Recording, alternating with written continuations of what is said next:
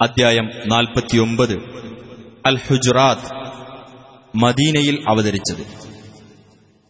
നാലാം വചനത്തിൽ ഹുജറാത്തിനെ അഥവാ അറകളെപ്പറ്റിയുള്ള പരാമർശമാണ് ഈ പേരിന് നിദാനം.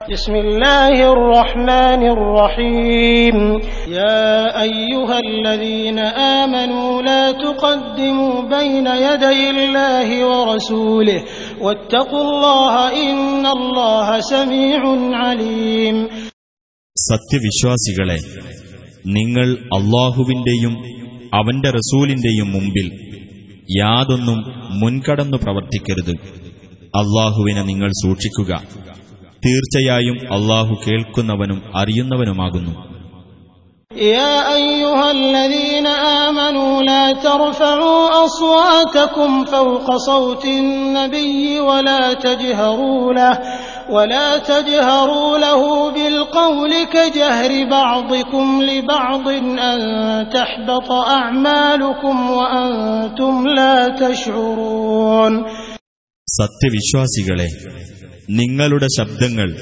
പ്രവാചകന്റെ ശബ്ദത്തിനു മീതെ ഉയർത്തരുത്. അദ്ദേഹത്തോട് സംസാരിക്കുമ്പോൾ നിങ്ങൾ അന്യോന്യം ഒച്ചയിടുന്നതുപോലെ ഒച്ചയിടുകയും ചെയ്യരുത്.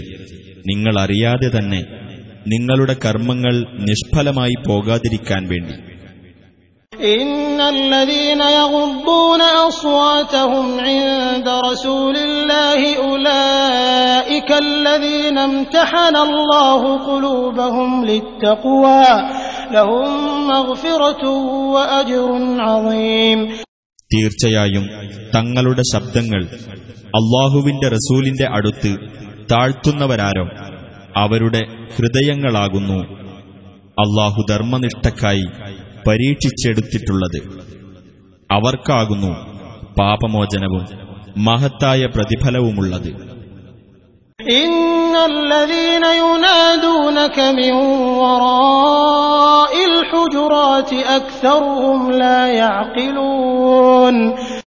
നീ താമസിക്കുന്ന അറകൾക്കു പുറത്തുനിന്ന് നിന്നെ വിളിക്കുന്നവരാരോ?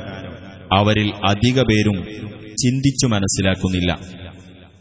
ولو أنهم صبروا حتى تخرج إليهم لكان خيرا لهم والله غفور رحيم നീ അവരുടെ അടുത്തേക്ക് പുറപ്പെട്ടു ചെല്ലുന്നതുവരെ അവർ ക്ഷമിച്ചിരുന്നെങ്കിൽ അതായിരുന്നു അവർക്ക് കൂടുതൽ നല്ലത് അള്ളാഹു ഏറെ പൊറുക്കുന്നവനും കരുണാനിധിയുമാകുന്നു يا أيها الذين آمنوا إن جاءكم فاسق بنبأ فتبينوا فتبينوا أن تصيبوا قوما بجهالة فتصبحوا على ما فعلتم نادمين സത്യവിശ്വാസികളെ ഒരു അധർമ്മകാരി വല്ല വാർത്തയും കൊണ്ട് നിങ്ങളുടെ അടുത്തു വന്നാൽ നിങ്ങൾ അതിനെപ്പറ്റി വ്യക്തമായി അന്വേഷിച്ചറിയണം.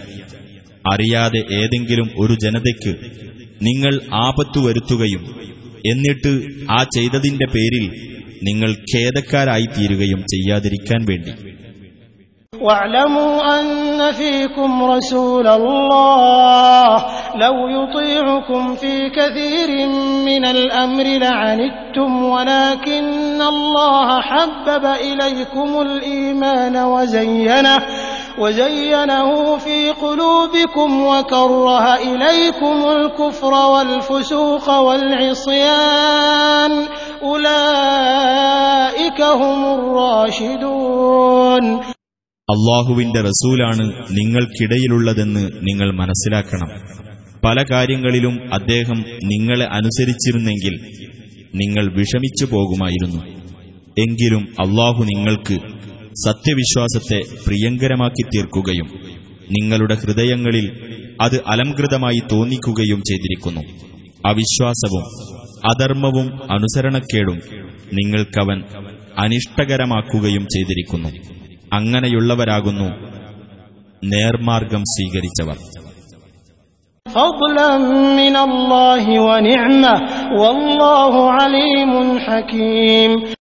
അള്ളാഹുവിങ്കിൽ നിന്നുള്ള ഒരു ഔദാര്യവും അനുഗ്രഹവുമാകുന്നു അത്.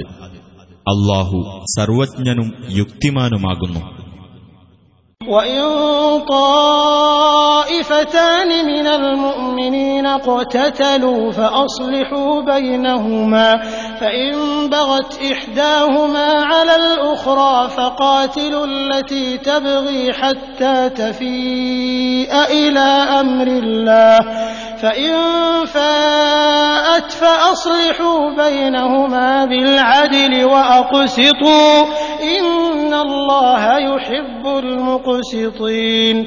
സത്യവിശ്വാസികളിൽ നിന്നുള്ള രണ്ടു വിഭാഗങ്ങൾ പരസ്പരം പോരടിച്ചാൽ നിങ്ങൾ അവർക്കിടയിൽ രഞ്ജിപ്പുണ്ടാക്കണം.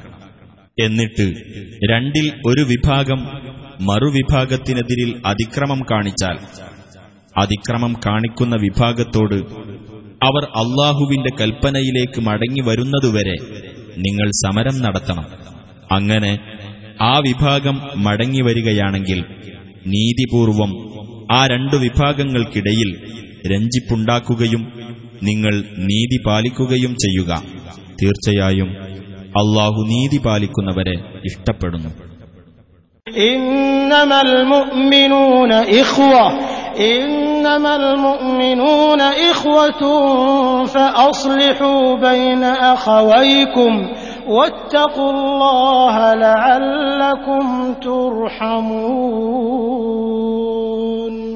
സത്യവിശ്വാസികൾ പരസ്പരം സഹോദരങ്ങൾ തന്നെയാകുന്നു.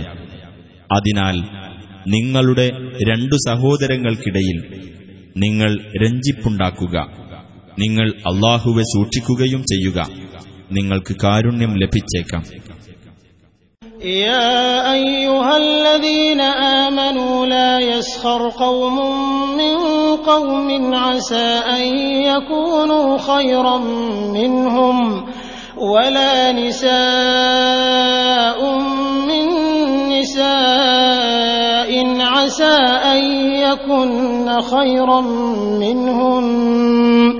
ولا تلمزوا أنفسكم ولا تنابزوا بالألقاب بئس الاسم الفسوق بعد الإيمان ومن لم يتب فأولئك هم الظالمون സത്യവിശ്വാസികളെ ഒരു ജനവിഭാഗം മറ്റൊരു ജനവിഭാഗത്തെ പരിഹസിക്കരുത് പരിഹസിക്കപ്പെടുന്നവർ അവരെക്കാൾ നല്ലവരായിരുന്നേക്കാം ഒരു വിഭാഗം സ്ത്രീകൾ മറ്റൊരു വിഭാഗം സ്ത്രീകളെയും പരിഹസിക്കരുത്. പരിഹസിക്കപ്പെടുന്ന സ്ത്രീകൾ മറ്റവരെക്കാൾ നല്ലവരായിരുന്നേക്കാം. നിങ്ങൾ അന്യോന്യം കുത്തുവാക്ക് പറയരുത്. നിങ്ങൾ പരിഹാസ പേരുകൾ വിളിച്ച് പരസ്പരം അപമാനിക്കുകയും ചെയ്യരുത്. സത്യവിശ്വാസം കൈക്കൊണ്ടതിനുശേഷം അധാർമികമായ പേര് വിളിക്കുന്നത് എത്ര ചീത്ത. വല്ലവനും പശ്ചാത്തപിക്കാത്ത പക്ഷം അത്തരക്കാർ തന്നെയാകുന്നു അക്രമികൾ يا أيها الذين آمنوا اجتنبوا كثيرا من الظن إن بعض الظن إثم ولا تجسسوا ولا يغتب بعضكم بعضا أيحب أحدكم أن يأكل لحم أخيه ميتا فكرهتموه واتقوا الله إن الله تواب رحيم സത്യവിശ്വാസികളെ ഊഹത്തിൽ മിക്കതും നിങ്ങൾ വെടിയുക തീർച്ചയായും ഊഹത്തിൽ ചിലത് കുറ്റമാകുന്നു നിങ്ങൾ ചാരവൃത്തി നടത്തുകയും അരുത്. നിങ്ങളിൽ ചിലർ ചിലരെപ്പറ്റി അവരുടെ അഭാവത്തിൽ ദുഷിച്ചു പറയുകയും അരുത്. തന്റെ സഹോദരൻ മരിച്ചുകിടക്കുമ്പോൾ അവന്റെ മാംസം ഭക്ഷിക്കുവാൻ നിങ്ങൾ ആരെങ്കിലും ഇഷ്ടപ്പെടുമോ? എന്നാൽ ശവം തിന്നുന്നത് നിങ്ങൾ വെറുക്കുകയാണ് ചെയ്യുന്നത്. അള്ളാഹുവെ നിങ്ങൾ സൂക്ഷിക്കുക. തീർച്ചയായും അള്ളാഹു പശ്ചാത്താപം സ്വീകരിക്കുന്നവനും കരുണാനിധിയുമാകുന്നു يا أيها الناس إنا خلقناكم من ذكر وأنثى وجعلناكم شعوبا وقبائل لتعارفوا إن أكرمكم عند الله أتقاكم إن الله عليم خبير ഹേ മനുഷ്യരെ തീർച്ചയായും നിങ്ങളെ നാം ഒരു ആണിൽ നിന്നും ഒരു പെണ്ണിൽ നിന്നുമായി സൃഷ്ടിച്ചിരിക്കുന്നു. നിങ്ങൾ അന്യോന്യം അറിയേണ്ടതിന് നിങ്ങളെ നാം വിവിധ സമുദായങ്ങളും ഗോത്രങ്ങളും ആക്കുകയും ചെയ്തിരിക്കുന്നു. തീർച്ചയായും അള്ളാഹുവിന്റെ അടുത്ത് നിങ്ങളിൽ ഏറ്റവും ആദരണീയൻ നിങ്ങളിൽ ഏറ്റവും ധർമ്മനിഷ്ഠ പാലിക്കുന്നവനാകുന്നു. തീർച്ചയായും അള്ളാഹു സർവജ്ഞനും സൂക്ഷ്മജ്ഞാനിയുമാകുന്നു قالت الأعراب آمنا قل لم تؤمنوا ولكن قولوا أسلمنا ولما يدخل الإيمان في قلوبكم وإن تطيعوا الله ورسوله لا يلتكم من أعمالكم شيئا إن الله غفور رحيم ഗ്രാമീണ അറബികൾ പറയുന്നു ഞങ്ങൾ വിശ്വസിച്ചിരിക്കുന്നു എന്ന്. നീ പറയുക നിങ്ങൾ വിശ്വസിച്ചിട്ടില്ല. എന്നാൽ ഞങ്ങൾ കീഴ്പ്പെട്ടിരിക്കുന്നു എന്ന് നിങ്ങൾ പറഞ്ഞുകൊള്ളുക. വിശ്വാസം നിങ്ങളുടെ ഹൃദയങ്ങളിൽ പ്രവേശിച്ചു കഴിഞ്ഞിട്ടില്ല. അള്ളാഹുവേയും അവന്റെ ദൂതനെയും നിങ്ങൾ അനുസരിക്കുന്ന പക്ഷം നിങ്ങൾക്ക് നിങ്ങളുടെ കർമ്മഫലങ്ങളിൽ നിന്ന് യാതൊന്നും അവൻ കുറവ് വരുത്തുകയില്ല തീർച്ചയായും അള്ളാഹു ഏറെ പൊറുക്കുന്നവനും കരുണാനിധിയുമാകുന്നു إنما المؤمنون الذين آمنوا بالله ورسوله ثم لم يرتابوا وجاهدوا بأموالهم وأنفسهم وجاهدوا بأموالهم وأنفسهم في سبيل الله أولئك هم الصادقون അള്ളാഹുവിലും അവന്റെ ദൂതനിലും വിശ്വസിക്കുകയും പിന്നീട് സംശയിക്കാതിരിക്കുകയും തങ്ങളുടെ സ്വത്തുക്കളും ശരീരങ്ങളും കൊണ്ട് അള്ളാഹുവിന്റെ മാർഗത്തിൽ സമരം നടത്തുകയും ചെയ്തവരാരോ അവർ മാത്രമാകുന്നു സത്യവിശ്വാസികൾ അവർ തന്നെയാകുന്നു സത്യവാൻമാർ قل أتعلمون الله بدينكم والله يعلم ما في السماوات وما في الأرض والله بكل شيء عليم നീ പറയുക നിങ്ങളുടെ മതത്തെപ്പറ്റി നിങ്ങൾ അള്ളാഹുവെ പഠിപ്പിക്കുകയാണോ അള്ളാഹുവാകട്ടെ ആകാശങ്ങളിലുള്ളതും ഭൂമിയിലുള്ളതും അറിയുന്നു അള്ളാഹു ഏത് കാര്യത്തെപ്പറ്റിയും അറിയുന്നവനാകുന്നു يمنون عليك أن أسلموا قل لا تمنوا علي إسلامكم بل الله يمن عليكم أن هداكم للإيمان إن كنتم صادقين അവർ ഇസ്ലാം മതം സ്വീകരിച്ചു എന്നത് അവർ നിന്നോട് കാണിച്ച ദാക്ഷിണ്യമായി അവർ എടുത്തു പറയുന്നു നീ പറയുക നിങ്ങൾ ഇസ്ലാം സ്വീകരിച്ചതിനെ എന്നോട് കാണിച്ച ദാക്ഷിണ്യമായി എടുത്തു പറയരുത്. പ്രത്യുത സത്യവിശ്വാസത്തിലേക്ക് നിങ്ങൾക്ക് മാർഗദർശനം നൽകി എന്നത് അള്ളാഹു നിങ്ങളോട് ദാക്ഷിണ്യം കാണിക്കുന്നതാകുന്നു. നിങ്ങൾ സത്യവാൻമാരാണെങ്കിൽ ഇത് നിങ്ങൾ അംഗീകരിക്കുക. ഇന്നല്ലാഹ യഅലമു ഗൈബസ് സമാവാതി വൽ അർദ്